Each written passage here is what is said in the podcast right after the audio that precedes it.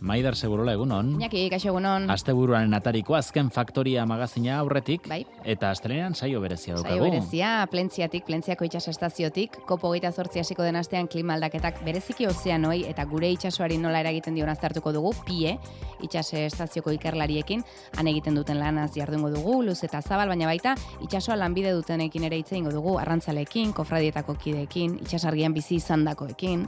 Itxasoa inspirazio ere bada, eh? Mm. eta lasaigarri ere bai, aisia, kirola egiteko gunea, eta ertzorri ere helduko diogu, goizeko amaikak arte faktoria berezi egingo dugu plentziatik. Elkarrekin gainera. Elkarrekin, hori da, eh? norabide berean arraun egin ezala esaten da ez?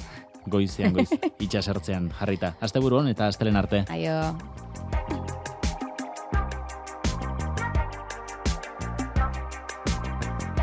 Faktoria, Maider Segurola. Kaixo, egun honeta asteleneko saioaren ardatza itxasoa izango bada gaurkoarena Mikel Kirola. Bailan da biziko orduan behintzat? Ileko azken ostirela delako eta Parisko Olimpiar jokoetara begira jarriko garelako. Gaur Mikel Inazi Soro eskalatzailearen txanda izango da, zerotik egunera zenbatoko aukerako te ditu udan Parisen egoteko hori izango da lehen galdera beti bezala. Baina kirol kontuetan galdera gehiago ere baditugu. Erantzun zuzenak eta okerrak dituzten galdera zehatza. Eta galdera zehatzak egiteko kiroletako lankide bat ere maiaren bueltara hurbildu zaigu, baina aurrez beste hau ere esan nahi dizuegu. Datorren aste azkeneko Reala eta Salzburgoren arteko partida tribunatik ikusteko bi sarrera nahi badituzu, Euskadi Irratiaren Instagram kontuan sartu beharko duzula iruzkin batean lagun bat aipatu eta argitalpena estorietan partikatu Euskadi Irratia aipatuz. Zozketa zaroaren hogeita zazpian, egingo dugu, urrengo astelenean. Mikel Elizegi, kaixo egunon, Egunon. informatikaria eta futbol analista zarazu, ez? Bai, alaxe naiz, bai. Zuretzat zer da futbola? Ba, niretzako zer dan futbola? Ba, niretzako futbola nire afizioa edo nire profesionaltasunetik kanpora nire bizitza uzartzen duen afizio bat. Futboli gabeko bizitzarik em, etzen nuke imaginatu ere egin nahi, ez? Orain da lortu batzuk agian, bai, baina baintxe momentu honetan mintzat ez. Inigo Belido ere gurekin da, eh, kaixo egunon. Kaixo egunon. Zu, zu realzalea zara, ala esan behar dugu? Bai, bai, noski. Ala aurkeztuko zaitugu, realzalea. Realzale bat, bai. Bai. E, realzalea, e, memoria oso na duen realzalea. Ez du, eh, nik ez nuen eh, esango memoria dela, baina eh, oroitzapenak eh, automatikoki nire beruan dauzkadalako. Osa, ez da memoria eh, joko bat, nire, nire ustez, eh? Be, ez dakit nola esan, baina eh, ez da ba, ni, nire etxean eh, ba, eh, eh, partidu guztiak ikusten ditudalako edo bertan eh, eh, nagoelako eh, nire etxean ba, apuntatzen edo horrelako bat egiten ez eh, automatikoki nire buruan sartzen dira, bizitzen di- ditudanean eta bertan geratzen dira. Eta- Alegia batzuek e, memoria fotografikoa duten bezala, Bai. e, zuri emaitzen eta e, futbol partien datuen memoria duzula esango genuke. Bai, hori hori ze, bai. Mm. Partiduak arretan diz eh, jarraitzen dituzue zuek Mikel eta Inigo. Em, zuentzako partida bat ikusteko testu ingururik onena, konpainiarik onena, zein da? Bakarrik, taldean? Niretzako bakardadea. Bakarrik? Bakardadea eta ordenagailuarekin. Bai, azkenean, ba bueno, guk ere normalian inguratosunean hitz egiten dezu, baina azkenean ikusten izan betartean gehi gehiago ikusten dezu eta bakardadean ordenagailuaren horrekenean behaketa lan handigoa egiteken dugu normalean analistek. Analista esan duzu, baina zure baimenarekin futbol espioia deituko dizugu. Vale. Ez, e, futbol analistaren lana e, izango da, ez? Arerio izango dituzuen talde horiek espiatzea, eta gero, haien ezaugarriei buruzko txosten bat egitea? Bai, pixka bat ere gu gu egoten gea pixka bat entrenatzailearen menpe. Azken Ja. finean entrenatzailea berak esaten digu bere bere gustoko beak zer nahi hau duen guregatik jasotzea. Eta bueno, ba, batzuk ban- badaude lan osoa eskatzen dizutena, beste batzuk berriz bideoak nahi dituzte eta ja beraien moldatzen dute bere erara. Azken finean pixka bat beti entrenatzailearen menpe eta tokatzen den entrenatzailearekiko, ba, eskatzen duen egitea. Mhm. E, normalean gutxienekoa izaten da partidua etiketatu eta moztu eta bideo horiek bidaltza berari eta gehienekoa izango litzateke ba jaz jokalari erakusteko 6 7 8 minutuko laburpen batekin, ba jokuaren atal desberdinak agertzen direnak eta eta astean zehar hori ikusi jokalariak preste egon daitezen urrengo partiduan zer datorkien gainera ezagutu edo ezagun egin ahal izateko ba partidua gertatzen den bitartean. E, zu ze talderentzat ari zara orain? Ba, momentu honetan, e, Turinen gari argote entrenatzailea dago, eta ba, berarentzako ari naiz lanean. Errenteriako Hiru- Turin klubean. Hori da, hirugarren mailan. Eta adibidez zein da espiatu behar duzun urrengo taldea? Ba, hau, aste honetan urduliz taldearen bideoa pasa diot, eta nila ari naiz prestatzen, hemendi urrengo iganderekoa, aste honetan prestatuko diot, padura aurkariarena. Mm. Futbol kontuak ditu gaur izpide eta maiaren bueltara etorri zaigu Jose Maria Paula Zalankidea ere, eh? Jose Maria Kaixo, Lanean jarri behar zaitu gainera, eh? jolas Bota. txiki bat egin behar dugulako gero Mikelekin, baina e, hemen e, barkatu, jolasa egingo dugu inigorekin, baina Bai. Mikelekin izketan ari gara, berak e, kontatu dizkigunak e, ohikoak izate aldira. Ba bai, baina eh, horren ohikoak zirenik eh, irugarren mailan, federazioko irugarren mailan, ez nuen esango. Beste mailatan zer dagoen gaur egun ze informazio darabilten futbol talde profesionaletan izugarria da, baina momentu honetan federazioaren irugarren mailako talde bati buruz ari gara izketan, errenteriako talde honek Estu eta larri, baina eutxi egin zion azkenean. E, postu gora bera batzuk e, urtero egiten den postu gora bera batzuk tarteko irugarren mailari eta urten oso oso ibilbide ondroso egiten ari da maila horretan. Ez dakit txosten hoiek, Mikel egiten dituen informe hoiek,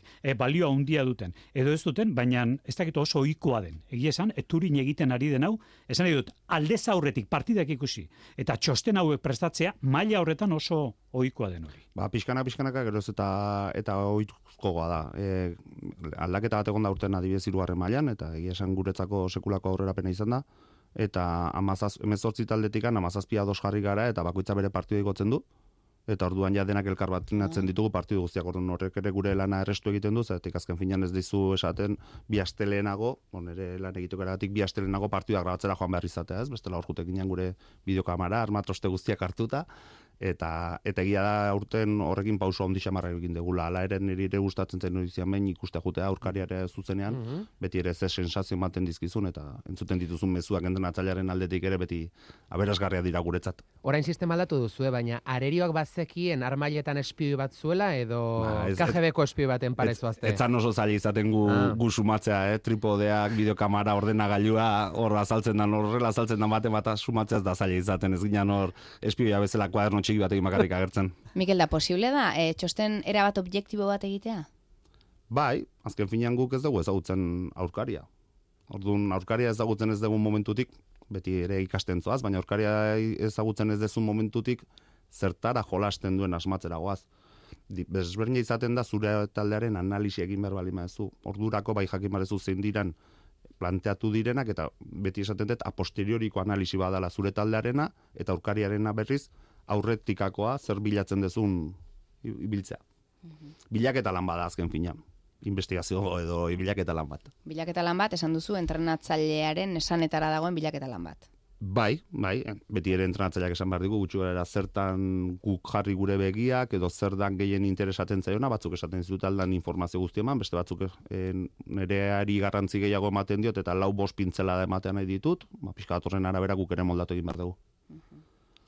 Borondate zeindako lana da, edo iristen da hilabete amaieran zerbait hemendik? zerbait kastutarako iristen da, baina borondatezkoa, borondatezkoa. borondatezkoa izango ez balitz, ba, gian zortzi ordu terdi informatikari bezala ez nituen pasako horretikan. E, entrenatzaile tituluak ere badauzkazuzuk. bai, Bai. bai, e, entrenatzaile titulo guztiak atera nituen, eta ba, pixka bat hortik etorri zan, eh? E, kasualidade baten gatikan, hortik iritsi zan analista mundura sartzen informatikari eta futbola uztartu, eta ba, hortxe hasi nintzen salseatzen. Eta memoria nolako daukazu?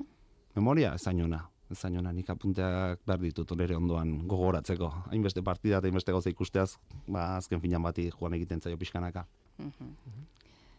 Inigo zuk eh, denboraldi eta denboraldi artean asko sufritzen alduzu? E, bai, bai, e, osea, de- azken urteotan, ba, erreala oso ongi dago, eta hori, hori, ba, ba, hobeto e, e, eramatzen da, baina ba, e, duela ag- agian, ez agian amar urte erreala ba, azken e, e, jardunaldian, ba, bigarren e, mailara e, jeistiko zegoeran, ba, ai, e, hortze, bai, sufrimendu asko, asko, asko e, izaten nuen.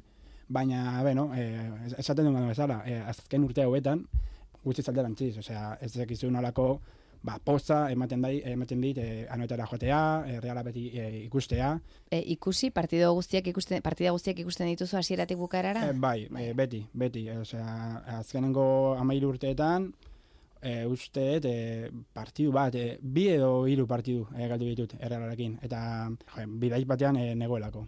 Er, Bai. zuk realaren azken urtetako emaitza guztiak dakizkizu den denak, azken Den ama den den den den denak. den den den denak eh, ez dut uste agian ba eh, esan duan bezala ba memoria fotografiko antzelako bat daukat eta orduan ba gol bat eh, egon bada partidu honetan ba gol hori eh, nire burura eh, pues, agertzen da eta usta eh, partidu guztia eh, bu- burutzen dut. Baina agian huts eta huts geratzen den partidu batean ez daukat ba eh, ba aintzamen hori eta orduan ez dakit ba eh, eh, agian huts eta huts bat duela eh, zortzi urte ez eh, gol bat eh, ez, joe, markatu, eh?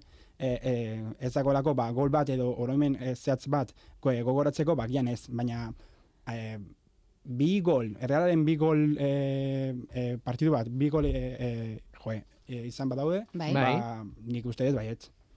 Utz eta utz, e, hori, esaten dudan bezala, ba, ez, daka, e, ez, dauka, e, ez daukat oromen bat, ba, gol e, bati asozi- asoziatuta, eta orduan ez da, ba, gian ez, baina guztiak, e, bai, markatu. Errexea daka.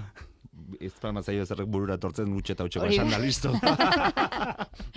Ba, guk proba egin nahi dugu, eta horregatik eh, gonbidatu dugu Jose Maria Paolaza, zenbat partida batzuk papel ekarri hartuta ditut. A ber, zatoz. zenbat ekarri dut? Bat, bi, hiru, lau, bost, sei, zazpi, zor, bederatzi ekarri ditut, eh, amarrek horik atera ez dezan. Denboraldi batzuk aukeratu ditut, emaitza jakin batzuk aukeratu ditut, Ez nekien, en, inigok ze handicap zeukan, utxe eta utxeko hori Bai. ez nuen gogoan, Ja. baina, bueno, ez dezala pentsa, denak, realak, eh, irabazitako partidak direnik, ez da gutxeago ere, baina, bueno. Ba, dugu. proba egingo dugu inigo. Eh, Jose Bai. Maria Paolazak botako dizu, partida, noiz zein denboralditan izan zen ere bai, ze informazio behar duzuzuk inigo? Zuk ze informazio da. behar Den, duzu? denboraldia eta neurketa. Denboraldia Eta neurketa, neurketa. lehiak eta ez. Eh, ez, ez, bueno, eh, ba, errepiketzen, errepiket, errepiketzen bada agian bai, baina ez dut. Bueno, 2000 eta hogeita bat, 2000 eta hogeita bi denboraldian gaude, kopako partida jokatu zen butarken. Butarken, bai, iru, eh, bi eta iru. Leganesek bi, realak iru eta goleatzaile galdetuko banizkizu. Bai, oleatzaileak, eh, eh, uste dut, eh, Isak, Oiarzabal eta Oiarzabal bigarren aldiz. Ikara ere.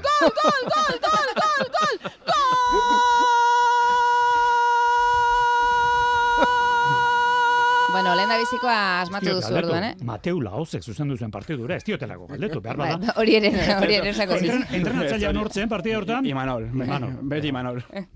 Eh, bigarren bat, guazen. Bueno, e, 2000 eta hogeita bi, 2000 eta hogeita iru denboraldian gaude, hau behar badak geukere izango genuke gogoan, ligako partida Reale Arenan, Vale. anoetan. Reala Betis. Reala Betis, eh, eh, utxe eta bi. Eh, oh, ligan, eh, bai, ligan, ligan, eh, soilik ligan ikon zen. Ligako partida, Realak ez zuen goleatzailerik Ba, izan. utxe eta bi, eta azkenengo minutuetan. Eh, laurogeita bat eta laurogeita bost, horrelako zerbait. Ikara, ikara. Ze Mikel, zurreta lurzu ere?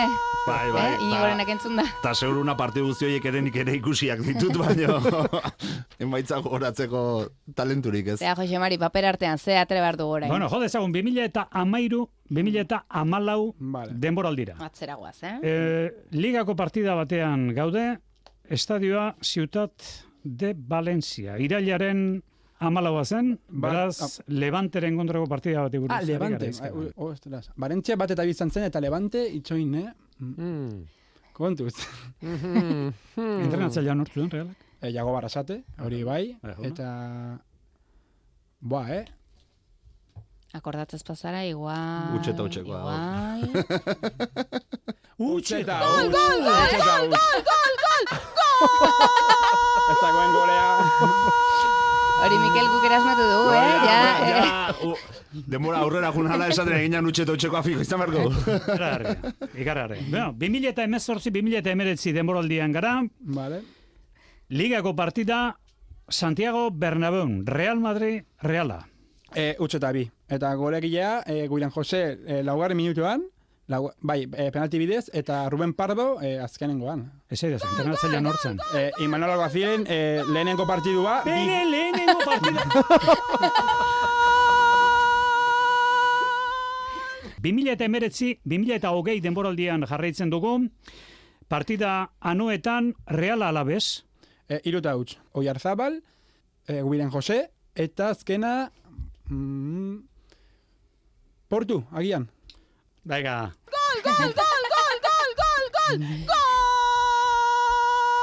Ze berezitasun zuen, e, apao, zeren bilare ginen, abestu zroen egin. Arbitrari buruz galdetzen ari da, ez horren beste hau sartu. Raimiro uste dut, e, bertan be, e, beraren partidua izan zela, eh? Remiro zen atezaina bai jauna. 2018 2019 demoraldian ligako partida Ipuruan Eibar Reala. Eibar Reala. Um, Eibar Reala... Zer zer demoraldi izan duzu? 2018 Ah, ba- bale, bale. 2019 Eh, esan demoraldian. aurrena, eh, aurreneko temporalda. Hori Eh, da. hau ze, eh, Ipuruan abuztuak hogeita bai, hamaika. irugarren jaunaldia, Hirugarren jardunaldia, bai eh, jauna. bat eta bi. Ez, ez, ez, barkatu, barkatu, aldarantziz, eh, bi eta bat. bi eta Gola, bat, gola, zenek? eh, boa, eh? William Jose penaltiz. Jo, ikararri. Eta entrenatzailea, donostian? Eh, entzaiatzaia, eh, eh, Asier Gaetano. Ne, ne, ne, ne. Ai, ama. Gure gora gatoz eta gero eta gauza gehiago eskatzen Ni ari zara, eh, apao? geratzen ari naiz, paperik Ea, gabe geratzen azkeneko ari bat, naiz. azkeneko bat. Azkeneko bat. Zu hau sartuko 2000 zara, Mikel? Ez, ez. 2000 eta amazazpi emezortzi denboraldia, Reala Betisen kontra berriz ere, anuetan. Lau eta lau. Osea, ba- Eta golak esaten badituzu, ni Bai, banoa etxera. eh, eta errealeko entrenatzailea ere behar dut. eh, entrenatzailea, eh, Eusebio, Bai sakistra. jauna, bai jauna. Eh, golegileak, bai, itxoin, eh? Mm, mm, mm, boa, eh, William Jose, Bai. Sai Prieto, Oiar, no, Oiarzabal, Sai Prieto, eta azkena, boa, eh, en propia gian, ez, ez, ez, ba, ba, azkena, Bueno, ez sinisteko. Hau ez sinisteko. Llorente, zer baina. oh, Llorente egia da, Llorente, Diego Llorente, Zorionak. ba, eskerrik asko. Ba bai, eh? esan eta egin eh, agindu diguzu azken ama urtetako realaren partidaren emaitza guztiak izkizula eta, eta bai, eh? naiz. Bai. Eta goleatzailea gogoan izatea, partida askotan goleatzaileak zein minututan sartu duen gol hori ikusgarria da.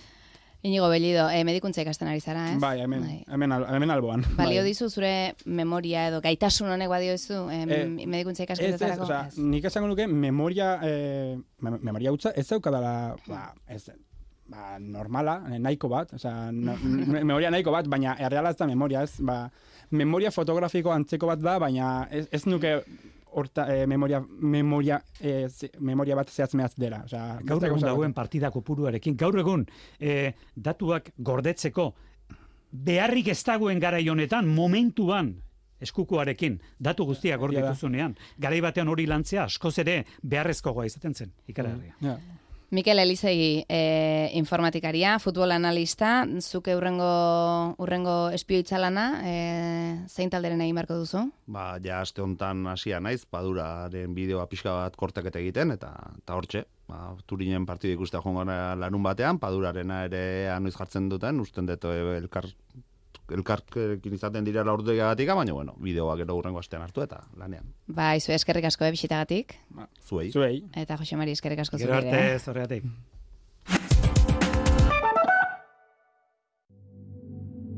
joaten bagara gure galaxiako planeten arteko espaziora, izango bagina espaziontzitik kanpora, ez genuk entzungo espaziontziaren barruan jarrita dukiko luketen Euskadi Ratia. Horregatik ez joan urrutira. Entzungo genuken gauza bakarra izango litzake gure gorputzak sortutakoa, bihotzaren taupadak, Arratsaldero, bai pasa. Bihotzetik bihotzera. Arrainek nahi, orain landarresarekin, arrain freskue zuzenean ondarruko portutik zuretxera. Legatza oljarroa dota zapoa, garbi-garbirik eta zure gustura prestatuta. Sartu landarresa.eusen eta erosi arrain freskue. Landarresa, gure ontzietatik zuretxera. Eusko jaurlaritzak eta Europar batasunak finantzatutako proiektua. Gaztazati batek, aran baten soinuak, irudiak eta izaera barnebiltzen dituenean, orduan erran daiteke, bertako natura eta kulturaren fruitu dela. Jatorrizko izendapenak berrogei urte, erronkari gazta, mendetako altxorra, Pirinioen fruitua. Zure aisialdian, itxasoko laketa arrantzan aritzen zara? Azti, inkestak egiten ari da Euskadiko arrantzagune nagusietan. Eta aukera duzu zeukere laguntzeko, zure datuak eman da. Anonimotasunean gorde eta helburu zientifikoekin bakarrik erabiliko dira. Hartu ezazu parte, laketa arrantzako datuak jasotzeko kanpainan. Eta lagundu itxasoko aisialdi jarduera hau, kudeak eta jasangarriaren mapan kokatzen. Erantzun bakoitzak balio du. Zer diozu, eskola uste tasa txikiena duen erkidegoak garela? What the bask? Ez ezaguna den hori, Euskadik inorratzean uzten ez duen hezkuntza sistema bat izatea dakarrena autogobernua da. Sartu euskadi.eusen eta ikusi zergatik Euskadik jarraitzen duen Euskadi izaten. Gobernantza publiko eta autogobernu saila. Eusko Jaurlaritza. Estena pornografikoen euneko laurogeita zortzi koma bin agertzen da emakumeen aurkako indarkeria fisikoa edo hitzezkoa. Nerabeen euneko hogeita amairu koma laukuste dute pornoak eragina izan duela beren sexu harremanetan. Pornoa emakumeen aurkako indarkeriaren eskola da. Ez genuke sexu ezik eta pornoaren esku utzi behar. Azaroak hogeita bost emakumeen aurkako indarkeria desagerrarazteko nazioarteko eguna. Emakunde Eusko Jaurlaritza Foru Aldundiak eta Eudel. Azokara noa, bazatoz? Durangoko azokara? Bai, fantasia da. Fantasia da. Berrogeita mazortzigarren Durangoko azoka. Fantasia da. Abenduaren seitik amarrera. Gebediaga elkartea. Euskadi Irratia. Mari Carmen Leston, kaixo egunon. Kaixo egunon. Futbola maite alduzuzu, Mari Carmen? Pitin bat bakarrik. Bai. Eta kirola? Bai, kirola bai. Kirola bai. Iruditzen zait forman egoteko bai, mm, erarik onena dela, ez? Egitea nahiago ikustea baino? Bueno, pitin bat egiten dute, eh? Bai. Ba, adibidez, bueno, kirola baino gehiago gimnasia, Mm. edo pitin bat yoga, eta bereziki mm, ibilbideak. Ibilbide lasaiak egiten ditut, amar, amalau, kilometrotakoak, hori bai gustatzen zaidala, baina besteak, bueno, ikusten ditut, iruditzen zait afizio bat izan behar dugula guztiok, orduan primeran. Primeran iruditzen zait. Gaur ariketa fisiko pixka bat egingo dugu zurekin, santurtzetik bilborako bidea egiten zuzen sardinerekin? Nahi baduzu, Eh. animatzen gara eta egiten dugu. Bai. Baina lehenengo eta behin aipatu nahi dut eh, bihar emakumen ganako indarkeria desagerrarazteko nazioartiko eguna dela. Bai. Hori badakit mundu guztia dakiela. Baina nire txat oso, oso egun triste da. Eh? Zergatik eh, jarraitu behar dugu egun hau os, e, e, ai- azpimarratzen edo komentatzen, ezta? Eta hori irakurtzen edo entzuten dudan bakoitzean buruari datorkit eh, aita. Mm? Aita. Eh, aita, nire aitak txikitatik esaten zigun nire nebari eta niri ba, eskubide eta bete behar berberak genituela. Amatxu eta ni bezala gehitzen zuen. Horregatik eskondu ginen egun berean. Honekin adierazi nahi zuen berdintasun osoan bizi zirela eta eta egia egia zen. Nire aitak ez luki ulertuko biharko egunaren eh, arrazoia. Baina, bueno, alase da, tristeki, baina alase da. Eta hori adierazteko kontatuko dizuet, behin paseo bat ematera eraman nindun eskutik helduta santurtziko goiko partera. Bai. Eta hor dago, segurazki zuek ezagutuko duzue, ba, lehenen sardinerari eraikitako monumentoa. Mm. Lukarinik egindakoa mila bederatzi eta irurogeta lauan. Mm? Oso emakume liraina, bere lanbideaz arro, eh? ez, da, mm, ez da emakume humila, eh? baizik eta oso arro, ematen du oso arro dagoela bere lanbideaz. Zorki gainean, sardina saskia eramaten du, alpargatak gerrian, gona altxatuta, eta kantak esaten duen bezala, luziendo las pantorrillas. Mm? Ahoa zabalik, merkantzia saltzeko asmoz, eta badirudi lukarini, labeia txaro edo txarola guapa, benetako sardineran oinarritu zela. Aitak esaten zuen oso, oso, oso lango gorra zela. Mm? Arrantzaleena, baino batzutan gogorrago. Eta begira, e, sardinera guztiek, denbora hartan, eh? orain ja eh, trena agertu zenetik ona, ez. Baina sardinera hoiek egiten zuten egunero, e, santurtzitik bilborako bidea, gutxi gora bera malau kilometro, eh? oinotxik. Imagina zazu zenolako kirola zen hori, ez? Eta mm, korrika, zenoski, eh, eltzen zen lehena, preziorik onena lortzen zituen. Orduan, egin behar zuten. Nik uste dut eh, santurtzi herriak, bere makumeak maite eta errekonozitu dituela. Mm? Horregatik adibidez, arraun taldeak itxaso, itxasoko ama izena du. Trainerarik ospetsuena sotera deitzen da. Sotera San Martin, sardinera eta bersolaria zenaren oroimenaz. Batel berriak, arrauntaldearen laguntzaile handiaren izena darama, Fidela. Mm? Eta beste sardinera bat agertzen da kale batean, Aurora. Eta badakit proposamen berri asko dago kale gehiagotan emakumeen izenen kopurua haunditzeko. Mm? Pensa dezakegu emakume guztiek it, mm, itxasoekin lotutako lanak egiten zituztelan. Adibidez, sareko emakumeak edo konpontzaileak, konser, konserberatan lan egiten zutenak, sama eramaten zutenak eta bar. Baina baita ere nekazaritzan eta meategian egiten zuten lan. Mm? Em, eh, ah, eta ez dakit jakingo duzuen, zain nahiko, nahiko berria da, baina orain dela bi, bi edo hiru urte eskaz, egin zuten beste monumento bat sardinera bati, azken sardinerari. Mm?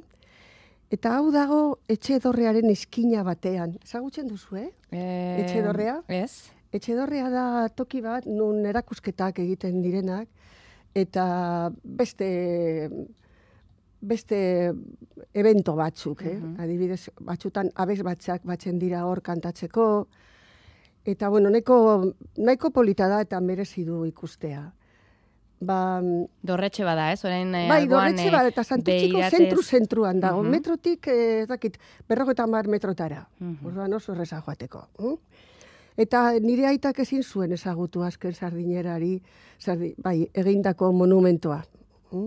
Zoritxarrez. Mm. Andra hau oso emakume serio, bere zereginetan konzentratuta dagoena, eta gurdian, aurrean gurdia dauka, eta gurdian zilarrezko sardina potolak ditu. Plater batean sartzen ari da haietariko batzuk gero balantzan pisatzeko. Baina hau ez doa oino txike, honek katiuskak ditu. Nabaritzen da modernoagoa dela. Eh? Eta monumentua sardinen kolorekoa da. Orduan kale osoa bere argiz betetzen du. Berezi du benetan ikustea. E, aitari asko gustatzen zitzaion e, sardina jatea, edo zein momentutan. Baina noski amak esaten zion, gero usaina geratzen zela, ez? Eta e, hori kentzeko, eta beti, beti zeuden ba, hori, ez da aber nola, ba, zer egiten zuten kentzeko. Batzutan amak eh, botatzen zuen em, eukaliptoren ostotxo bat, Bai. eta zua, zua amatuta zegoenean, hor botatzen zuen ostotxo bat, eta kentzen zen. Ah, bai, eh? Be? Bai. Orduan, dinot, e, norbaitek esaten badu, oh, hoi etxean, mesedez ez etxean ez. Ni normalean zabaltzen ditut lehioa eta hor konpon. Hm? Gero, begira, mila bederatxireun eta eta zeian, trena heldu zen santurtziraino. Eta denbora hartan, azken bagoian, sartzen ziren sardinera guztiak. Guk esaten genuen, furgoian sartzen zirela. Gu denbora hartan, bueno, denbora hartan ez, baina irurogeian edo, juten ginen Bilbora, ikastera, eta zenbat txantxa usaina zela eta. Ez dakizu. Hori zen, ikaragarri ez. Bai, haiek ez ziren mutu geratzen, eh? Eta norbaitek ejatzen bazen usainagatik, bueno, ez dut errepikatuko hemen, botatzen zituzten izgogorrak, baina... Defendatzen zuten eurena. Bai, bai, bai, bai, bai, ospetsuak ziren Bai. izuzen horregatik. Eta, ba, bueno, animatzen bazarete, ja, kontatu behar dizuet gainera, hori, eh, martxa egin baino lehenago, bai. e, geratzen zaigu, zaiguna, eh, geratzen zaiguna dela, Carmengo ama. Mm? Carmengo ama hor dago portuan, Santurtziko portuan, beste emakume bat, eta nola ez, nola ez, a ber, Bilboko jaietako simboloa mari jaia da, ez da? Bilbokoa bai. Bai, baina Santurtzikoa daukagu lamentxu. Ah. Mm? Orduan ikusten duzunez, emakume zinguratuta gaude, Santurtzin. Eh? Eta nik uste dut benetan Santurtzik mimatzen dituela bere emakumeak. Mm? Emakumeak eta eh, nola esaten da, em, arrain urdinak ere. Ondino saltzen dira, aspaldian lonja zen eraikinean, ondino salde, saltzen dira, ne baduzue, animatu. Nire aitari behin medikoak kendu zion arrain urdina. Eta hori bai zen egun tristea. Mm? Beraren Debekatu egin zion arrain urdina bai, bai, bai, bai, bai, esan, esan, esan zioten kolesterola igotzen zela. Ja. Eta aitak ez, ez, esan esaten zuen hori ez zela egia. Bizitza osoan egon zela. Mm. Arrain urdina jaten eta primeran egon zela. Eta gaur egun, medikoaren gana basoaz, kontrakoa esaten dizute. Urdin, eh, arrain urdina primerazkoa dela, ba, kolesterola txarra nibelean mantentzen duelako, Bai. eta ona igotzen duelako. Orduan, a ber, hau zer da? Mm? Ba, Hau zer da? Orduan, aita zoritxarrez, eh? hil zen mediku berriak ezagutu gabe. Eta penagarria, benetan.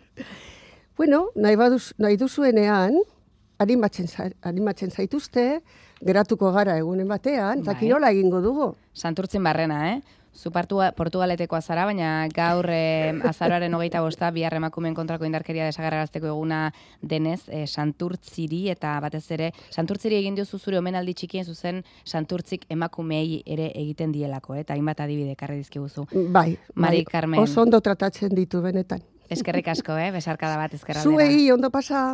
Agur. Hiru urrat txiki dira zuretzat, baina jauzi handi bat euskararentzat. Eta euskaldunontzat. Konfiguratu zure mugikorra eta nabigatzaileak euskaraz. Bi minutuko kontua da. Eta sartu gaitu.eus webgunean eta eman zure ahotsa. Ja ezagun teknologia euskaldunon alde. Donostia, euskararen iria.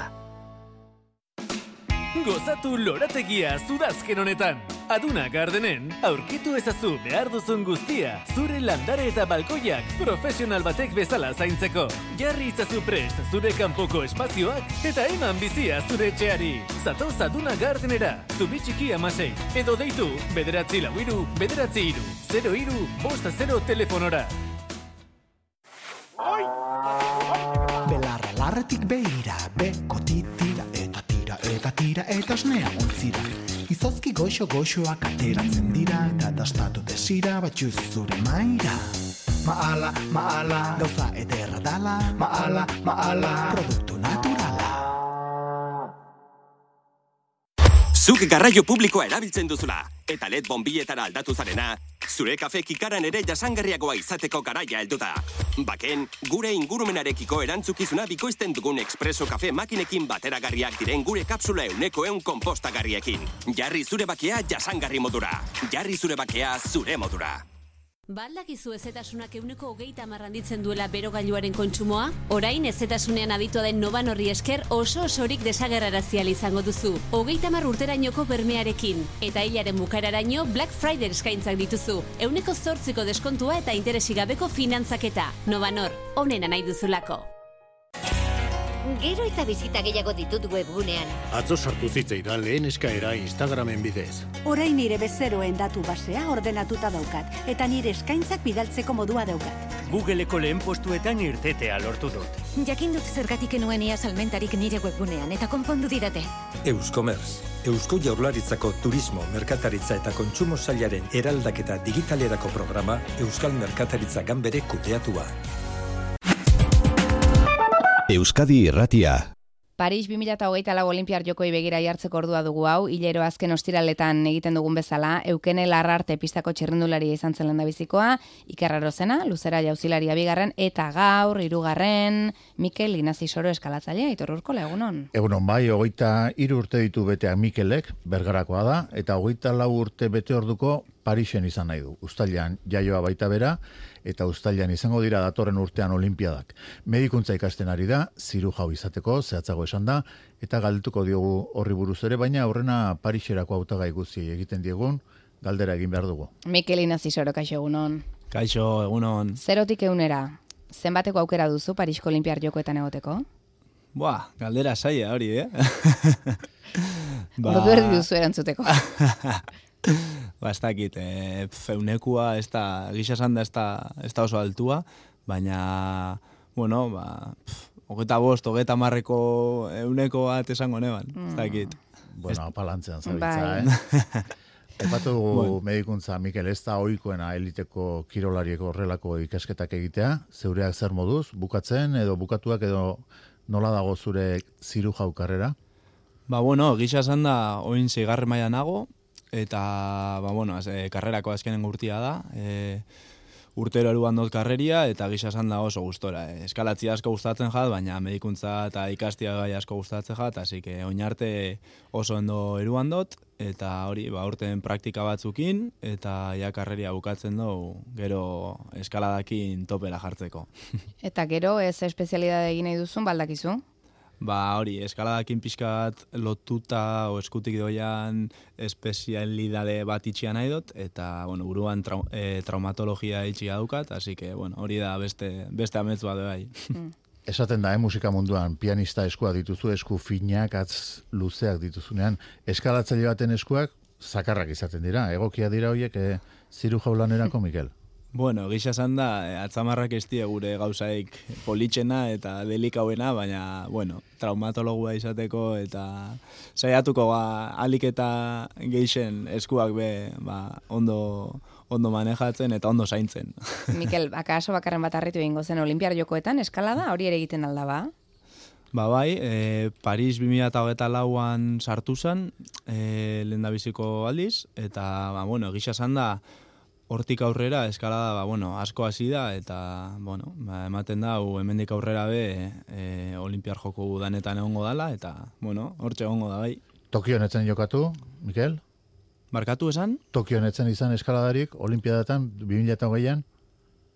E, bai, bai, bai, egon txan markatu, 2008an, bai. 2008 esan. Baina etzen parte hartu. Hori da, ez parte hartu. Hemen, ba, bueno, estatu mailan Alberto Gontzan eta irabazin zeban, así que, bueno, a ver, Parisera juteko aukeria dagoen, o zera juten dan asuntua. Uh -huh. Em, Parisera joateko zen diguzu, uneko geita bosto geita marrako aukerak dituzula, e, pentsa ezagun joango zarela, gero hor ze domina lortzeko aukerekin ikusten duzu zure burua, edo joate, joate utxa sari alitzateke, eh? Hombre, ba, gisa esan da, eh, esan dozun bezala, jutia ja sari bat izango zen, eh, ametz bat betetzia izango zen, azkenian eh, olimpiar joku batzutara jutia eta horrek dakarren esperientzia eta bizipen hori, ba, bueno, ja sari bada eta ametz bat izango zen, hasi que jutiakin egisa esan da nahikoa izango zen, eta, baina, bueno, behin klasifikauta, ba, bueno, zeinek ez dago amesten, ba, domin batekin, ez, media batekin, bueno. Mikel ez gara eh? kirol kazetariak, ia beti antzematen zaigu, txarrerako, eta ez dakigu olimpiariokoetan eskala nola jokatzen den. Eskala dakigu arrokan egiten dela, edo rokodromoan eh? olimpiariokoetan ze modalidade egin behar da? Ba, beira, e, Tokion, eskaladan gutxi gora bera hiru modalidadeare, ez? Bat da e, spiz, deitzen dana, da eskartasuna, amabos metroko pareta bat, eta, ba, bueno, da berdin-berdina da hemen Japonen, e, e, Bergaran edo Frantzian. Osea, pareta berdina da, eta azkenean itzen dira amabos metro, ba, isa korriketan, korriketan ego. Ontxe mm. munduko rekorra lau, segun, lau koma behatzi segundutan dago, así que imagina ze... Mm. Amabos segundo, o barkatu, amabos metro, lau, lau segunduan. Bai, bai, isa segundutan, baina hori beste modalidadia da zailtasuna, niri geixen gustatzen jatena, eta, bueno, izaten dira pareta luziagoak, e, ba, ma bosto gehi metrotakoak, eta saiak bakarra daukazu igotzeko, eta hirugarrena bulderra da, ba, geixenok ezagut, ezagutzen dugun eskala da, hori izango esan, ez, e, pareta motzauak, lau metrotakoak edo lan, eta koltsoneti azpixan, soka gabe da, eta, ba, bueno, normalian daukazu bost minutu e, bloke hori itxeko, eta Tokion insana zan, ba, iru modalidade horrek bateratu eta medaia bakarra emon. Osea, kombinada. E, iru modalitate, modalidadien arteko kombinada batez. Baina, e, gertatzen dena da espiza, e, askartasuna, beste bisetatik asko, ba, bueno, e, ez dakit, ez dauke zer ikusi handirik, ez? Eta ja Pariserako, ba, banatu indituzte bloke eta zailtasuna, eta askartasuna, ba, bueno, bere aldetik. Así que Parisen ja bi medaia desberdin egongo die. Eta horrek aukera gehiago emango aldizkizu? Ba, nere partetik, bai. Mm. Ze askartasunean azkenian, ba, lehen Espainia mailan pareta bakarra zeuan, oindala, ba, bueno, pare bat urte arte, eta hori izan, ba, bueno, pixkat e, flojuen zeukagun modalidadia, ez? Eta, ba, bueno, beti danik soka, bueno, zailtasuna eta blokia indot, hasi que neretzako, ba, bueno, hobeto torriko jat bai. Aipatu duzu, pareta bakarra, okerrez pagaude, lemoan e, zabaldu dute, azte honetan Alex Txikonen izena hartu duen rokodromo berria eta kronekek diote han ere izan zinela, Mikel? Bai, bai, martitzenian eh, han egon ginen, ale, bueno, lemoan zabaldu eben rokodromo berri hartan, eh, ales txikonen izena mandotze, eta hori egisa esan da, bueno, olako herri, o, bueno, ez dakit, ez da oso ondisa, ez da herri baten, ba, bueno, rokodromo berriak zabaltzen ikustia, ba, bueno, azkenian e, guretako, ba, bueno, ez dakit, po, pos, poses betetzen gaitxu, ba, hori, eskala asten ikustiak, eta, ba, bueno, jendia eskalat, eskalatzen dabilela, eta geixenak posik dabilela ikustiak, hasi que, ondo. Instalazio dira, edo eliterako, edo umeak eta asteko dira besterik gabe? Bueno, ba, ba, danerako dauka, eh? Gisa esan da, geixen bat, ba, bueno, bertako ikastolako eta, bueno, herriko gaztetxuak eskalatzeko rokodromoa da, baina aldi berian bai, ba, dauka, bueno, rokodromoko parte bat, e, eliteko, ba, bueno, eskalatzaileak entrenatzeko be, bezalako e, satitxo bat badauka, así que, bueno, noizian ben juteko be, ondo beste aukera bada eta ondo dago. Zuzeu, rokodromoan, saletu altzinen, eskaladara? Ba, gisa esan da ez, eh? Nik lehen eskiatzen ibiltzen nintzen, eta, bueno, txikitatik e, arkaitz jurritan, ere, bueno, nera nahi entrena, eskiko entrenadore batek, e, eruan sosku mendira, eta, ba, lehenengo urtetan juten ginen mendira eskalatzera, osea, ni rokodromoa lehen da biziko zapaldunean, ba, ez dakit urtekin, olako zehose, eta, ba, eskalatzen hasiko nintzen, ba, sei zazpi urtekin. Anai aipatu duzu, Ibai, e, berarekin hasi zinen, e, eskiatzen, txapelketetan ere ibili zineten, puntan, Ibai zertan dabil egun? Ba, ontxe bertan, oindala urte batzu ja eskixala gazeban, ze azkenian, ba, bueno, e, goi maiako kirolian ibiltzia reza, eta azkenian eskixabe bai denpora asko, ba, eta diru asko, ba, bueno, e, bihar da ez, eta azkenian lagatzia, bueno, e, aukeratu zeban, eta, bueno, ontxe kirola itxan jarraitzen da, motorrian asko ibiltzen da, ontxe mendixan korriketan topera dabil, eta, bueno, mendixan eta gelditzu barik, hori hori seguro. Zuk eskia baztertu egin ditu, Mikel, momentu batean, eta katuankak eta soka aukeratu zenituen, e, zergatik nola izan zen erabaki hori? E, behartuta ikusi zenuen, zeure burua bate edo beste zirte ozart egitera? Bai, bai, bai, azkenian goimaiako bikirol, ez dakit, e, batera kompatibilizatzia, ez da gizela zaten da, baina hori. Bai, ba, bateratzea edo. Bat, bai, hori, bateratzea ez da, ez da baperreza, eta geixau eskalada eta eskixa. Osea, baterako bihar ditugu hanka ondixak eta azkenian pixu aukitzia ba, maldan bera topera juteko eta bestalde eskalatzeko biadoguna da, ba, pixka eta agilidade hori, pixu gutxi aukitzia, indar geixau besotan, eta aldi berian, ba, bueno, txapelketa batzu koinzidu, koinzidu itzen zeben, eta, bueno, heldu zan momentu bat, ja, imposibilia esala, eta eskalakin geratu nintzen. Hmm. Egi alda, e, zuk erabiltzen dituzun katuankak normalean erabiltzen dituzun oinetakoak baino bostala txikiagoak direla? bai, bai, egisa da, egisa da. Hortarako bastante, bueno, bastante masokaga, ez? ez da gauzaik normalena, baina, bai, egisa zandanik lau bostaia txikixabak erabiltzen ditut, ba, azkenian gauza oso txikisak zapaldu alizateko, presizin hori, e, eukitzeko, ba, bueno, asko geisten ditugu taiak eta egisa esan da, ba, bueno, hankak ez die eskala horia gaukon gauzaik politxena, ez? Zeskuak, ez eskuko atzak eta ez hori da, hori da, behatzak ere. Hori da. Japoniako geixak bezala uko dituzu hankak. Ez atzak, ez atzamarrak, hori da. bueno, Mikel, oso goiztia hasi zinen, eh, eskaladan, eh, amabi urterekin, sortzi ze mailako bide bat egin zenuen, ama urterekin, bederatzi A mailakoa. Bueno, guez gara mundu ontakoak, eta azaldu behar diguzu, aiskar, aiskar, e, zortzi Z, bederatzi A, e, zifra eta letra hauek ze esan nahi duten, gukulertzeko moduan. Ba, bueno, azkenian horri di, e, pareta, paretak daukan zailtasuna, ez? Ba, bueno, azten die irugarrenekua, laugarrenekuak, bosgarren eta zeiar, hor ja geixo bezkala hobia da, eta, ba, bueno, zuk pentsau, ez dakit munduko biderik zaiena, ontsa bertan behatzi zedala, eta ba hortik bera, ba, bueno, e, bostetik behatziraino, ba, sort, sas, e, saspia, saspia plus, saspi be, saspi be plus oran, e, igotzen soiaz, eta ba hori munduko saiena behatzi ze da eta gisa esan da ba ni nahiko gaztia nintzenian, ba, bueno, e, nahiko aska revoluzionatu neban eskaladan, eta hori, ba, sortzi zeitzen ez dakit, e, munduko gazte gaztiena o gaztienetarikoa izan nintzen, eta behatzi haitzen be bai. Behatzia horretan gelditu zinen, geratzen zaizu behatzi be eta behatzi ze? Bai, hori da.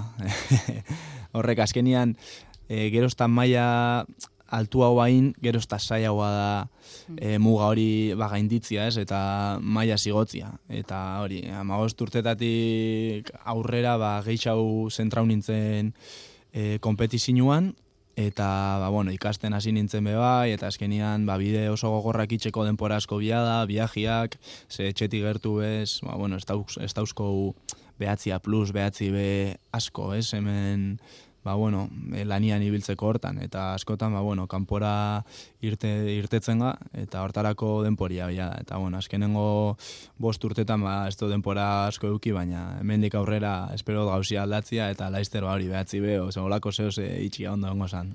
Aurtengo denboraldia, zer moduz joan da, Mikel?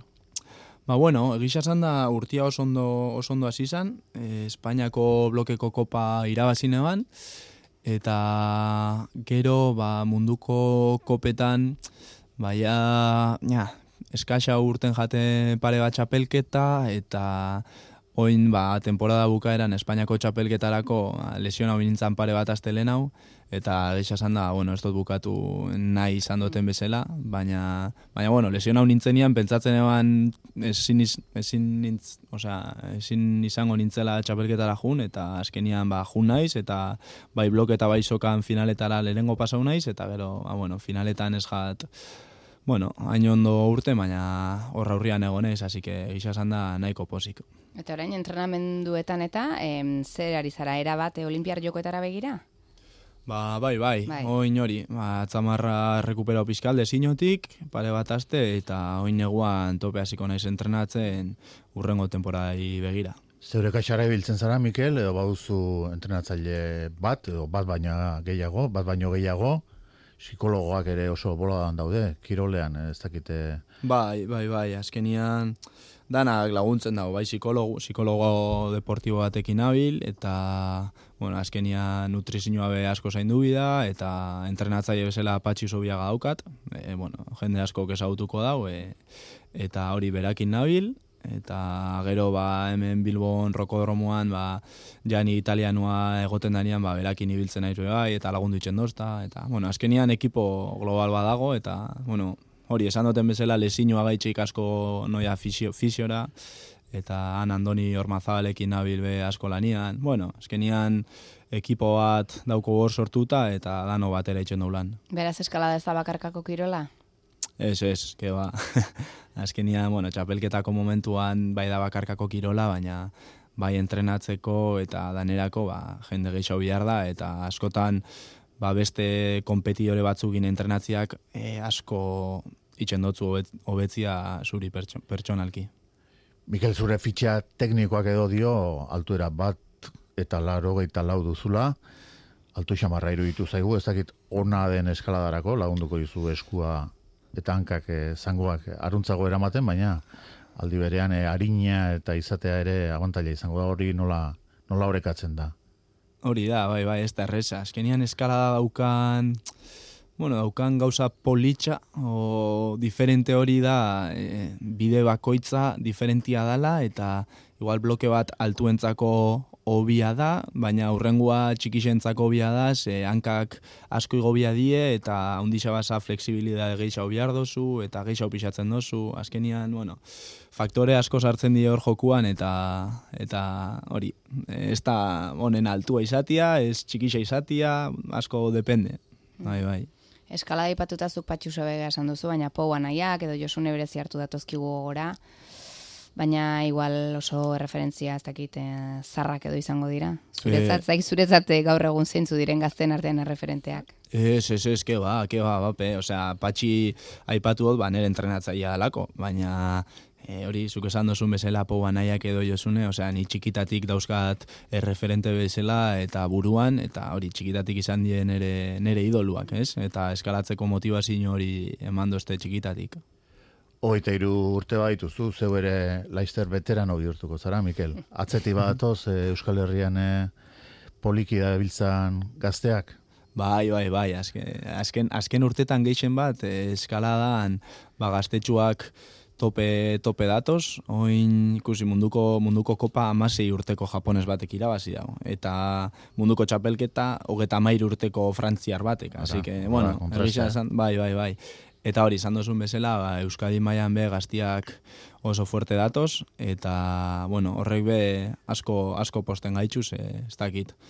E, modu baten obestian, ba, bueno, ikusten da kanteria dagola, eta hemen Euskadi, ba, bueno, e, eskalada munduan, ba, kultura dagola, eta, eta ondo jala. Eta noiz eh, jo dezakezu fizikoki goia? Ba, bueno, bate jakin, ez? Azkenian, eh, ez dakit, bakoitza, bueno, nik uste dut, hoi momentuan ez dutela jogoia, ze azkenen urtetan bez naiz euneko unera eskaladan zentrau, eta ba, suposatzen dut e, aurrera betorreko jatela. Esan, dut, esan duten bezala, ba, bueno, aurten irabazi dago munduko txapelketa hogeta mair urteko frantziar batek. Eta horrek, ba, oindala sei urte igual esan pentsatzen bere topia horre egongo zala, ez, hogeta mair urtekin. Eta, bueno, ez dakit.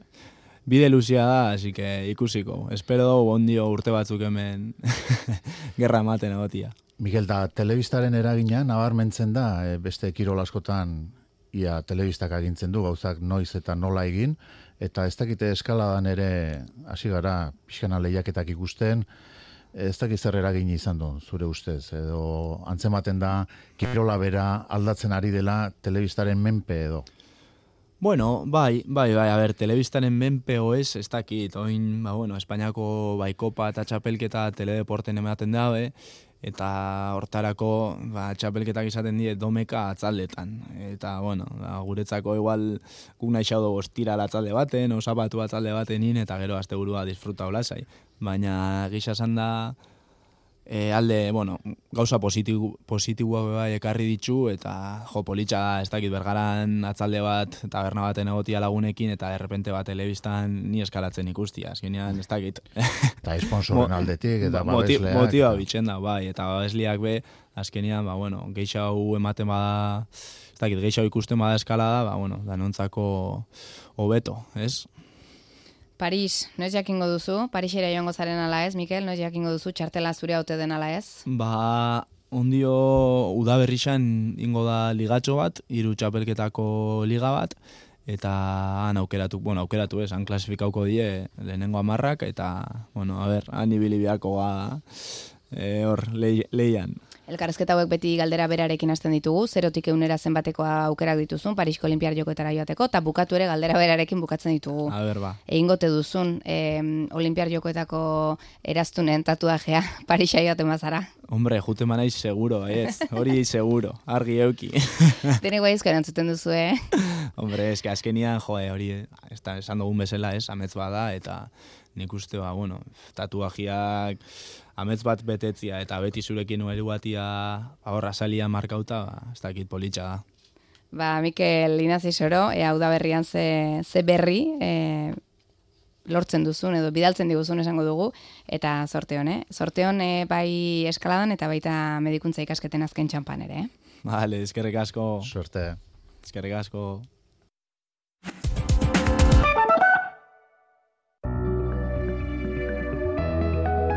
Gau, norteko ferrokarrilean, Adimen artifiziala bueltan da norteko ferrokarrilean. Gorka azkune gure adituak ekarriko digu makinak ikasteko probatzen ari diren metodo berri eta berritzaile bat. Eta ordutegia aldatu behar dugu, gaur gaueko amaiketan izango da. norteko ferrokarrila. Euskadi irratia. Goizeko amaikak dira. Euskadi irratiko informazio zerbitzuak. Albisteak. Egun hon entzule, elikagai bankuak hornitzeko gaur biharretan jaki bilketa handia egingo da saltokietan. Helburua iru milioi kilo elikagai batzea da. Elikagai bankuek Euskal Herri osoan larogeita bi mila lagunen artean banatzen dituzte elikagaiak. Inflazioak eragin zuzena izan du eurengan, ondorioz, elikagai gutxiago ahal izan dute aurten. Imanol de la Barga. Helburua hiru milioi kilo inguru batzea da, lekale, kontserba, olio, edota beste aukera supermerkatuetako kutxetan laguntza bonuak erostea, bakoitzak alduen neurrian laguntzeko dei hori egin dute ohartaraztearekin batera premia egon badagoela. Felix Bilbao elikagai bankuko voluntarioa da. Gure elikagaien oinarrizko zerrenda gutxitu egin behar izan dugu. Adibidez, esnea, 6 litrotik laura edo irura pasatu da. Amaika mila lagun inguru hariko dira bilketan voluntario gisa laguntzen, ego euskal herrian gaur eta bihar egingo da bilketa, iparre euskal herriko zenbait saltokitan baita igandean ere. Emakumen aurkako indarkeria desagerrarazteko nazioarteko egunaren bezperan, arartekoa koartarazi du gizonezko gazteen artean aurreko belaunaldien eredu matxistek bizirauten dutela. Egoera zehatza ezagutzeko Eusko Jaurlaritzak Euskadiko gazteen artean ikerketa egingo duela dirazi du. Donostia, Bilbo eta Iruñeko udalek adierazpen instituzionala irakurriko dute goizontan zehar azaroaren hogeita bostarekin bat eginez, Iruñean hain zuzen ere Europar Batasuneko berdintasun ministroak batzartuko dira.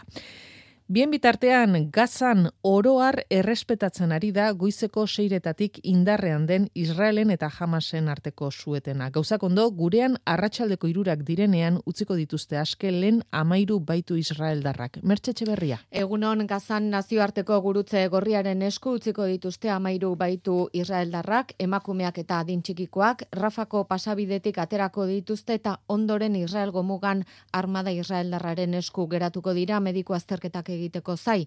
Zabaldu diren azken berrien arabera, ordu berean aterako dira Cisjordaniako ofer izeneko espetxe militarretik aske utziko dituzten hogeita emeretzi preso palestinarrak, hogeita lau emakume eta amabost adintxikiko mutil izango dira Palestinarre, Palestinako espetxetarako arduradunak jakinarazi duenez. Gerraren berrogeita zortzigarren egunean hause da lehen suetena, Katarren bitartekaritzaz lortu da, eta beroni esker egunean zehar erregaia janari elikagaiekin berreunda hogeita amar kamioi gazan sartzea aurre ikusten da.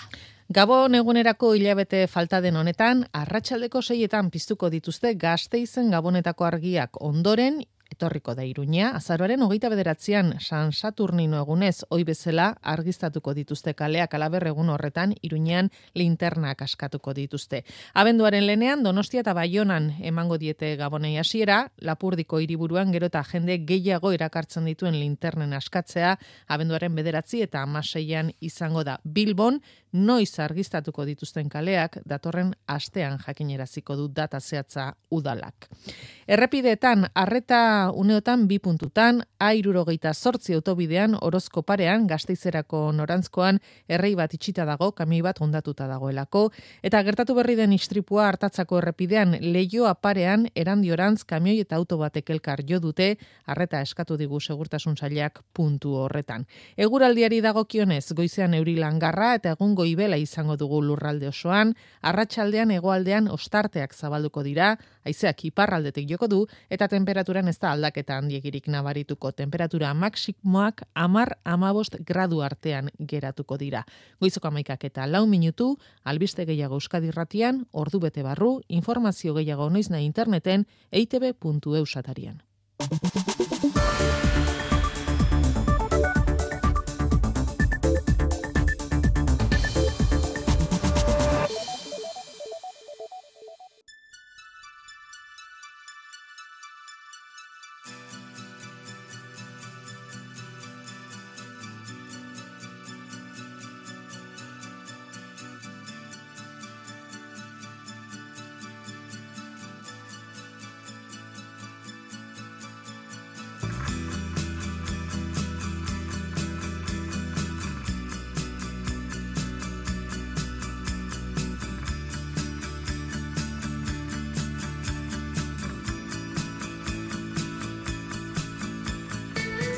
Amaia Elizagoien kaixo egunon. Egun on maider, zer moduz? Orain ere ipuin artean harrapatu zaitugu, ala? Ba, kasu honetan poesia artean, donostiko liburutegian nago, aldezarreko liburutegian, eta poesia galtzagurrik eh, antolatutako poesia aretoa eh, gidatzen ari naiz. Eta ipuin kontalariaren edo kasu honetan eh, poesia irakurlearen etena beste ipuin bat aurkazteko probestuko duzu Euskadi Erratian. Estimatzen dizugu, eh? bera. bai, bai, e, tartetxo bat utzi didate libre eta sarrera bat egin nahi nion gaurko ipuñari berezik gainera maite dugulako bai itziar bainik. Bueno, badakigu gero lanean jarraitu behar duzula, baina e, agurtu horretik egiguzu gaurkoaren aurkezpena. Gaur zer da karzua maia? Ba begira, gaur donostian nagoen honetan, Gipuzkoako bertze hiri batera joanen gara irunera. Iduritzen zait, iruna unitzotan izaten dela aztutako hiri bat, edo badaukagula iruditegian alderdi negatibo batekin lotuta, baina unitzetan e, pentsatzen dut, irunetan pentsatzen dudanean, ba, pogreziak eta pre prekarietateak ekartzen duela ere mugimendua eta aktibazioa. Eta hori irunen badago. Eta badago, eta egontzen, ez? E, irakurri nuen egeneko izpuruaren bidasoan gora liburua, gomendatzen dizuet, eta bertan ezagutu nituen lendabiziko aldiz iruneko poispologileak. Eta haien historiari tiraka, ba, sortu dugu historio hau zuendako, eta espero dut zuek e, guk bezain bertze gozatzea, eta indarkeriaren kontrako eguna laister batean bihar bertan datorren hontan, ba, ikusi dezagun e, ba, indarkeria ez dela bakarrik batetik bertzera pasatzen, baizik eta hunditzetan indarkeria askoz ere handiagoa dela, ez? Etrero patriarkalagoa dela eta e, bueno, ba, sistema berak ere bultzatzen duela. Beraz, denboran atzera eginen dugu, ea gure gizarteak poiki poiki historion bitartez aurrera egiten duen. Amaia besarkada bat. Esker mile eta hemen dibi arte. Agur! Gloriak, etxean etzeukan ispilurik. Etxean egoteko astirik ere ez. Goiza baino lehenago esnatzen zen eta gau ilunean egiten zuen pospolo fabrikatik etxera buelta. Egun hartan gainera, luze aritua zen bere lankidekin solasean.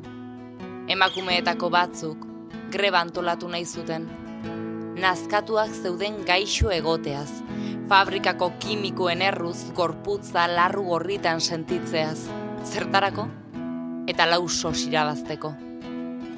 Gloriak lankideak begiratu bertzerik ez zuen egin behar egoeraren larritasuna ikusteko. Baina greba egitearena ez zuen argi ikusten. Pospolo fabrikan irabazten zuenarekin, azal eta ezur iristen zen hilabete bukaerara. Zer egingo zuen, aste batean realik lortuko ez balu. Aizparekin hitz eginen zuen etxera iristean. Baina konbentzituta zegoen ura ere bere iritzi berekoa izanen zela. Gainera, emakumeak ziren, nork entzungo zituen, akaso, hobea zen bertze alde batera begiratzea. Ideiak zerabilzkion martxa berean zijoazten bere oinak.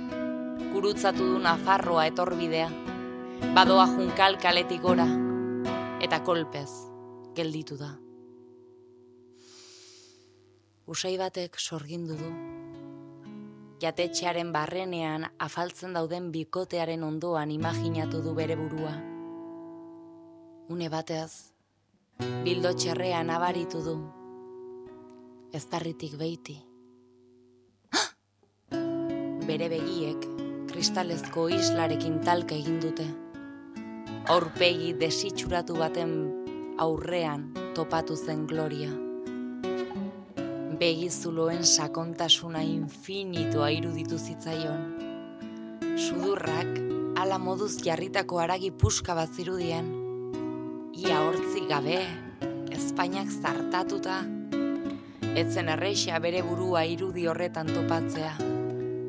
Beldurtu, eta biatu zen korrika, irungo kaleetatik gora. Etxera sartu zenean, aizpatikiaren besoetan egin zuen negar. Aizpak, ilea lastan duzion denbora luzez, gero galdetu, eta ondotik, isiltasuna goxatu.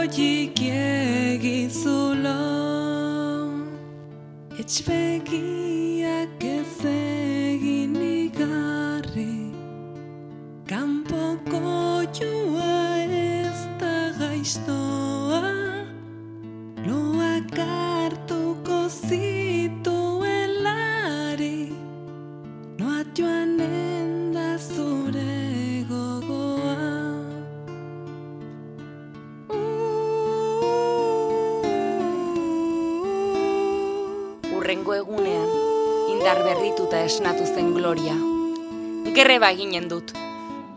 Ziur zaude, badakizun bezala azken aldian estraperluan ez dut dirua unitzik irabazten. Egin beharra dago. Animo orduan, gaur ez da egun erreixa izanen. Orduak, luze joan zitzaizkien. Poispolo bihilea, gau erdian iritsi zen etxera. Normalean baino nekatuago, kolpatuago zirudien. Zer moduz joan da?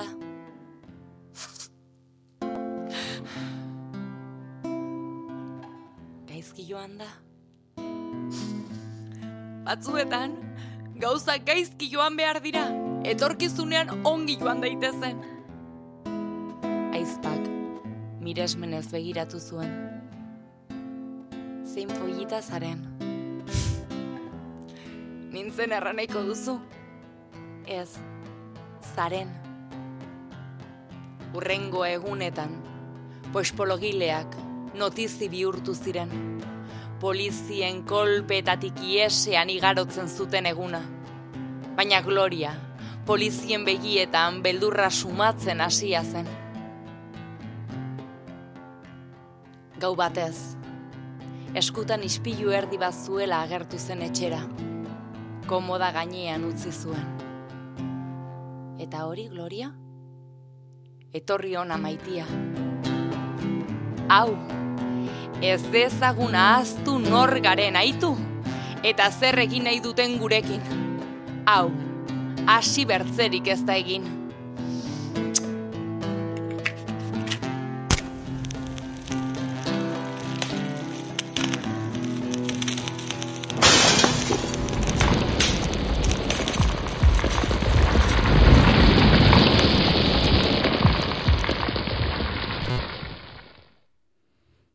Ameli ipuinen jostunek, jositako ipuña. Izar guri dikaixo egunon. Egunon, Zeiru ditu zaizu entzun berri duguna? ba, oso polilla. Ala, ala kontatzea dituzu zuek ere ipuñak, izar? bueno, hain profesional bez, baina zaiak edan gara probatola era ezberdinetan kontaien. Mm. Bi astez behin e, izaten dugu ama Elizagoien Ameli ipuinen jostunak ekarretako ipuin bat aditzeko plazera. Zu izar murmurikan ipuin kontalari taldeko kidea zara, Mondragon Unibertsitateko lehen hezkuntza graduko ikasle batzuk sortutako proiektua da hau. Zel bururekin, nolatan sortu duzu taldea?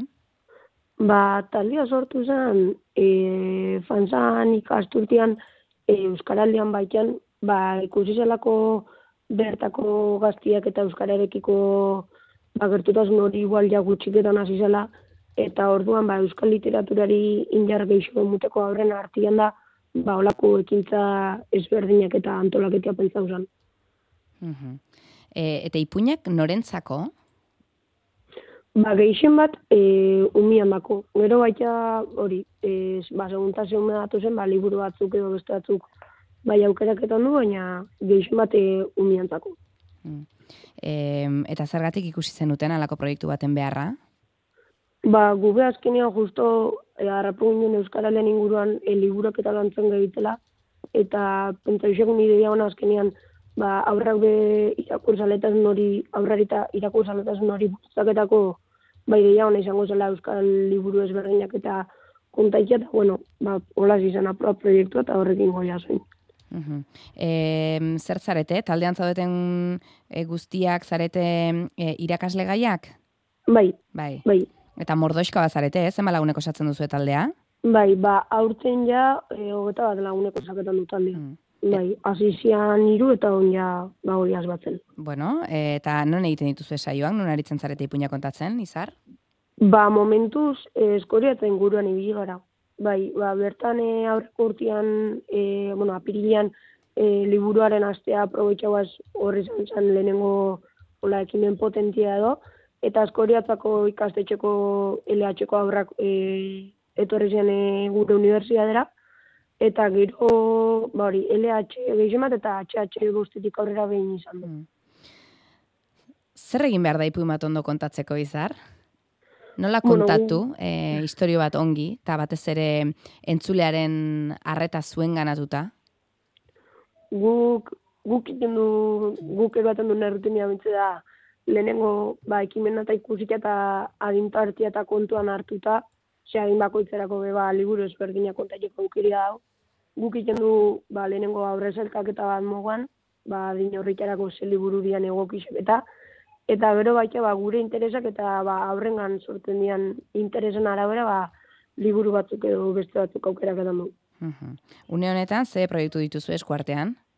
Ba, momentu hontan gauz, e, arrasateko garaguneko kideakin elkarlanian, e, ba, e, bueno, dauzkoen gonbitia, ba, eurari guztauko izako ja aurrekin eta olako ipuin kontaketa saio bat ikia, eta gure gana joen laguntza eske, ba, ber guk ze prestaketa, o zer hartzen duen kontuan eta, eta bueno, horri ganan egon zian, e, bat aldeko batzu, ba, gure bizipenak eta kontaiten, eta oin aurrera begira, abenduan e, oiaz tradizioak traizioak erakusketan parte hartzeko asmoakin. Mhm.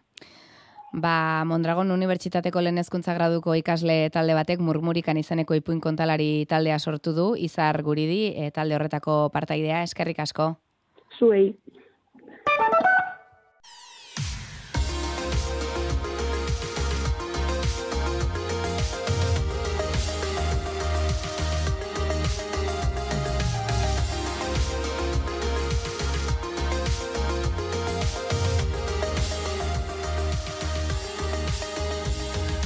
Amaikak eta hogeita iru minutu. E, egunotan Burgosko lurretan, baina Arabako mugamugan dagoen e, Garoñako zentral nuklearrak ate irekiko jardunaldiak antolatu ditu komunikabidentzat. Izan ere, zentralaren desegite lanetan hastekoak dira, Euskadi Erratiak atzo izan zuen bunker horretan sartzeko aukera, eta egunero batetik bestera dabilen e, asierrek arako bideari heldu zion asierkaixo, egunon. Egunon, maider, egunon, zer moduzko kolore ikusten didazu? Kolore aldaketarik bai, ez ez da? Ez, ostiraleko arpegia daukazu, eh? Arako bide egin zenuela esan dut.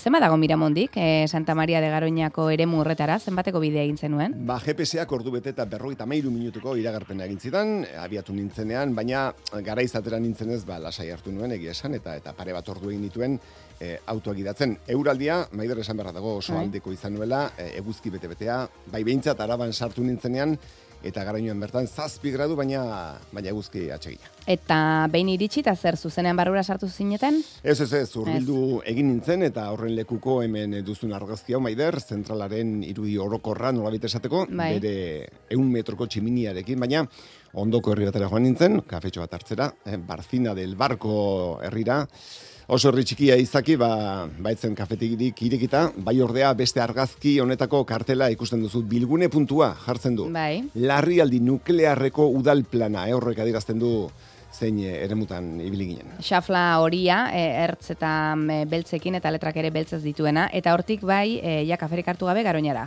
Bai, eta bidean, ba, beste kartel batek kendu zidan arreta, errepideko kartela zen, eta zera zioen, aurrera eginezkero, puente larra, eta eskuinera, zentral nuklear. Mm. Eta zerke kendu zidan arreta, ba, ba, erdoiak jota dagoela kartela, seguru asko, mila ziren eta irurogeita amaigarren urtean, ereki zuten urtetik, ba, batere, batere aldatu gabea. Argazki asko ekarri duzu, atzoko bisitatik, em, beraz, e, bizi izandako irudikatzeko au- aukera ona izan badugu, eh? Bai, bueno, berez ez ziguten eh, mugikorrik eh, barrura sartzen utzi, baina Mikel kamera alariak pasa dizkit nik eskatutako argazkiak eh, tartean barrura sartzeko autoilarena, eh, da zentraleko kontrol festa, izugarria baita, lehena kotxe zenean eta berehala eh, izen emateak eta bestelakoak, hori ikusten dira zenbait eh, kazetari akreditazioa jasotzen, tartean eroni, Bai. eta guztira joan ginen, maider esango nuke hogeita mar bat, eh, hogei bat komunikabide ordezkatzen. E, eta pentsatzen dugu baizena bizenak, eta gainerakoak enduko zizkizutela, eta gero ja barrura. Bai, Ez? baina zenbait esi pasata, eh? hemen ikusten duzu, aireportu bateko kontrolgunearen itxurako bat pasa Bai, lehen bizi. bai. Eta berehala pare bat metro aurrerago beste kontrolesia. Kasu horretan entzun ongi, leher gailuak antze bateko kontrola. Eh? Hor eh, jabetu ginen, Bisita etzela bromatarakoa, segurtasun nazionaleko eremu izendatua baitako garoina. Bueno, sartu zineten, e, danak barrura, pentsatzen dugu, eta Bai, bai, bisitaren hasieran e, zegintzen duten, nola hasi zen bisita? Balen lehenik eh, horbait kafe bat eman ziguten, eta prentxareto batera sartu ere bai, eh, han Manuel Ondaro, garoñako desegite prozesua, gauzatuko duen enresa, enpresa publikoko zuzendariak, harrera egin zigun, behar dan bezala, eta deusestatzea nola egingo den azaldu ere bai, bi fase izango ditu, orain lehenengo fasean dira, eta bertan batez ere garoñak berrogei urtean erabilitako erregaia, uraniozko erregaia ezaztu, ur beltegietatik atera eta lehorreko biltegi berezietara pasako dute. Horrek izango du bere zailtasuna, ez? E, material nuklearra da, e, eskuartean izango dutena, eta Bai, jakina material nuklearra eta milaka tonako pisua duena gainera. Datuak eh, oso deigarria dira garoinan eta desegite lanen kostu ere proportzioa berekoa, izango da proportzio berekoa. Ondorok eh, garbi azaldu zituen datuak. asciende a 475 millones de euros. Habría que añadirle, ¿vale? Habría que añadirle aproximadamente unos 180 millones de euros, que es lo que sería el, ah, el coste inicial de- del proyecto. Eundaka milioi euro, eh, segurtasunak horretara behartzen baitu, behin azalpen guztia jasota, erropa berezia jarri erazi ziguten, eta hor, eh, argazkian eh, ondo ikusten da, maide errezuk eh, algara pixkatere egin duzu. Bueno, zabe, buzo beltza jantzita zaudete, e, buruti bera kaskoa, baina kaskoaren azpian beste alako plastikozko babes e, moduko bat. Ba, ez dakit plastikoa zen nik esango nuke beste gomantzekoa Ah. zela, burua babesteko alako pasamontainaz moduko Bai. bat, eta eta kasko berde-berdea, hori neri galdera etorri zitzaidan, hori ikusita, eta bota nuen galdera, eh? Zertarako balio du, honek guztiak, kontuan izan da, aurpegia bista bizten dugula.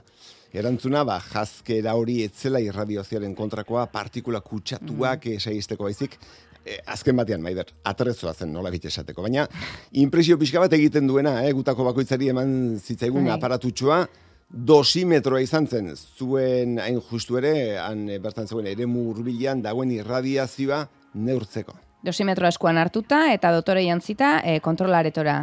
Bai, Bai. kontrolaretoa euneko hogeian bakarri dago martxan, zentrala euneko hogeian bakarri dagoelako martxan, energia dagoeneko ez du sortzen noski, 2000 eta tik baina orain mantenurako erabiltzen dute aretoa, eta han azaldu ziguten oraindik ere zer kontrolatzen den aretoan. la temperatura, controlar la temperatura y el nivel de la piscina donde se encuentra el combustible gastado y controlar también la presión que tiene el contenedor que ya está cargado. Eta itxura, itxura setenteroa duera bat, eh? kolorea bere ere antzinako berdea, Bai, bai, garai hartara eramaten gaituena, badu, ez ne- niri iruditzen zain maider, badula bere xarma, eh? em, ekarri dizkiguzun argazkiak ikusgarria dira, eta argazkien gainean ari gara atzokoaren kontakizun egiten, em, ondoren nora joan zineten? Ba, hartalde baten pare, eh? turbina eremura abiatu ginen, eta eta bidean, ba, burnizko kurpilak, hor, uste dut argazki bate atera niola horri ere, burnizko Hemen, kurpilak, bai. bai. eta gainerako burnizko gailuak ikusi genituen denak antigua lagoso, eta nagusiki, ba, isiltasuna, zentrala geratuta dago, eta eta hangoz bakarra, eh, hau, hau izan zen, harrapatu nuen.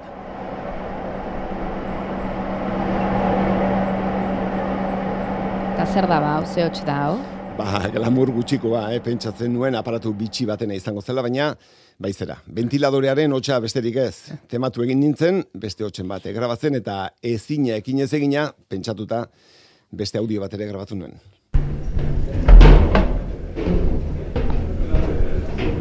Ba, honian sartzen ere ez dago bat ere erraza. ez dago ez. Eskilara asko igo eta jaitsi behar izaten da garoinan, eta honako hau kazetarion pausu hotxa besterik ez da, hau ere glamour eh, txikikoa. Eta nola jaitsi ginen, ba ur biltegira, hango arduradunak aurreratu zigun, han ikusten ari ginen guztia, desagertzera doala. Todo lo que veis aquí tiene que pasar el proceso de desmantelamiento. Todo, equipos, sistemas, componentes, edificios, todo se desmantelará. Baina, bai, de, dena, eh, desagertu dengo da, era bat gainera. Baina, esaten dizuen maider, batez ere azaldu zigun, beraiek piztina deitzen duten horretan, zer dagoen. Estamos viendo desde la cota de operación la piscina de combustible gastado. Esta piscina contiene todos los elementos combustibles con los que ha funcionado la central durante todos sus años de operación a plena potencia.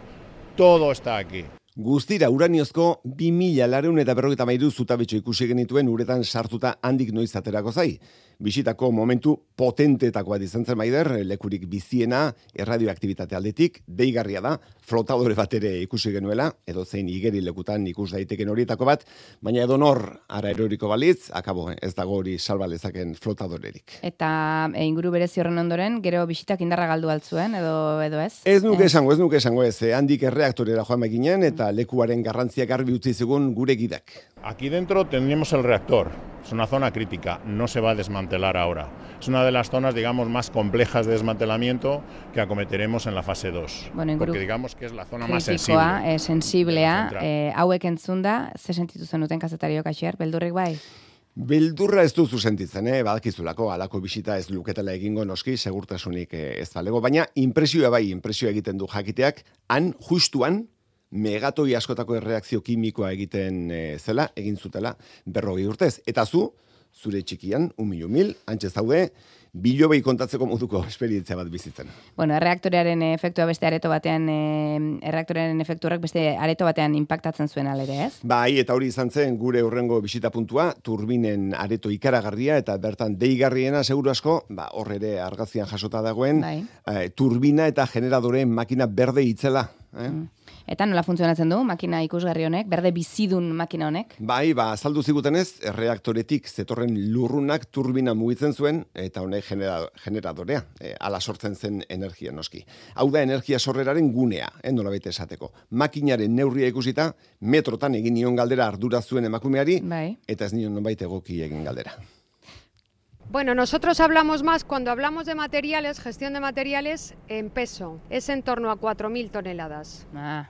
Tonatan, tonatan. da guztia, tonatan. Bueno, tonatan da ton askotan gainera, eh? E, lanak izango dituzte hoiedanak eh, desegin eta hor e, zoru utxa uzten. Bai, baina hori da, hori da azken plana, dena deus ez du eta zolu huts bihurtzea, berriz ere nuklenor jabeari e, baitzuli alizateko. Eta bukatzen denean hor ze egingo dute, eh? Bazaldu ziguten ez, nuklenor berak nahi duena, eh? berak nahi duena, enpresagune bat, parke bat ere bai, edo bate daki, baina edo zer gauza, e, erradioaktibitate aldetik neutra izango delako amar urte barru amaitzen dutenean, hori bai, eremu nuklear bat geratuko da, ondakin guztia bilduko dituena, ati izena du, bakankako aldi baterako biltegia, eta han e, jasoko dituzte, berrogeita bederatzi eduki ontzi nuklearretan, ba, lehen aipatu ditugun zutabetxo nuklearre horiek. Mm.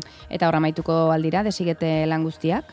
Ez, ez erabat gero beste hamar urtez erekin guztiak ere itxiko baitituzte, guztiak porlanezkoak eta asomoa da zentralaren arrastorik ere ez geratzea azken batean. Bueno, Asier, merezi izan altzuen bisitak? O, dudarik ez, Bai. zalantzarik gabe. Sensazioa da oso jende gutxik ezagutuko duen edo ezagutu duen eremu batean pasa duzula goiz oso bat.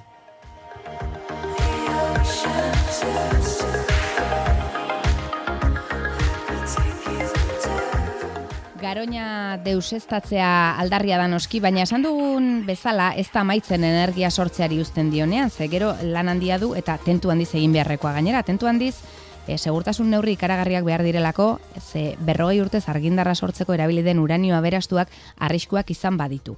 Honen inguruan zehatzago hitz egingo digun aditua dugu gurekin eta honena xerre beraz alpenak entzutea izango da. Bai, Euskal Herriko Unibertsitatera jo dugu eta baita Igor Peñalba ingeniariak erantzun ere beraz eh, bere bizkar gehien ontzat ulertzen nahasiagoak diren eh, kontuak argitzea. Igor Peñalba EHUN industria ingeniaria eta gai nuklearretan adituak asegunon. Apa, egunon. E, hasiera batean zentral nuklearren kasuan ez, eraikitzea bera izaten da mm, polemikoa, arriskua besterik ez delako ikusten. Zeintzu dira zure ikuspegitik, zentral hauen arrisku potentzialak? Bueno, ul- ulergarria da, ez? E, inok ez da nahi bere, bere alboan zentral nuklear bat izatea, edo zentral termiko bat, edo, edo diskoteka bat, ez? Azken finean, ba, e, elektrizitatea nahi dugu, esate baterako, baina, klaro, e, elektri- elektrizitatea produzitzen duen e, eraikina eta instalazioa bera ez dugu gure etxetik urbileukina, hori logikoa da eta ulergarria. E, nire ustez, zentral e, nuklearren kasu partikularrean, ba, istripu arriskoa da, ba, hor e, danok e, buruan daukagun e, ba, beldurra da. Eta, bueno, ba, ulergarria da, ba, istripua gertatu eskero kalteak handiak izan ditezkelako. Eta, eta zentzu horretan, ba, ulergarria da, ba, gizarteak e, horrelakoa nahi izatea bere, bere txalbuan. Hmm, Uranio aberastua, eh, hori da zentralak behar duen erregaia, baina zer da uranioa? Maiz eh, oso, oso sarri entzun izan dugu hitz hori, baina zer da eta, eta, eta non lortzen da? Ba, uranioa elementu kimiko metalikoa da, eta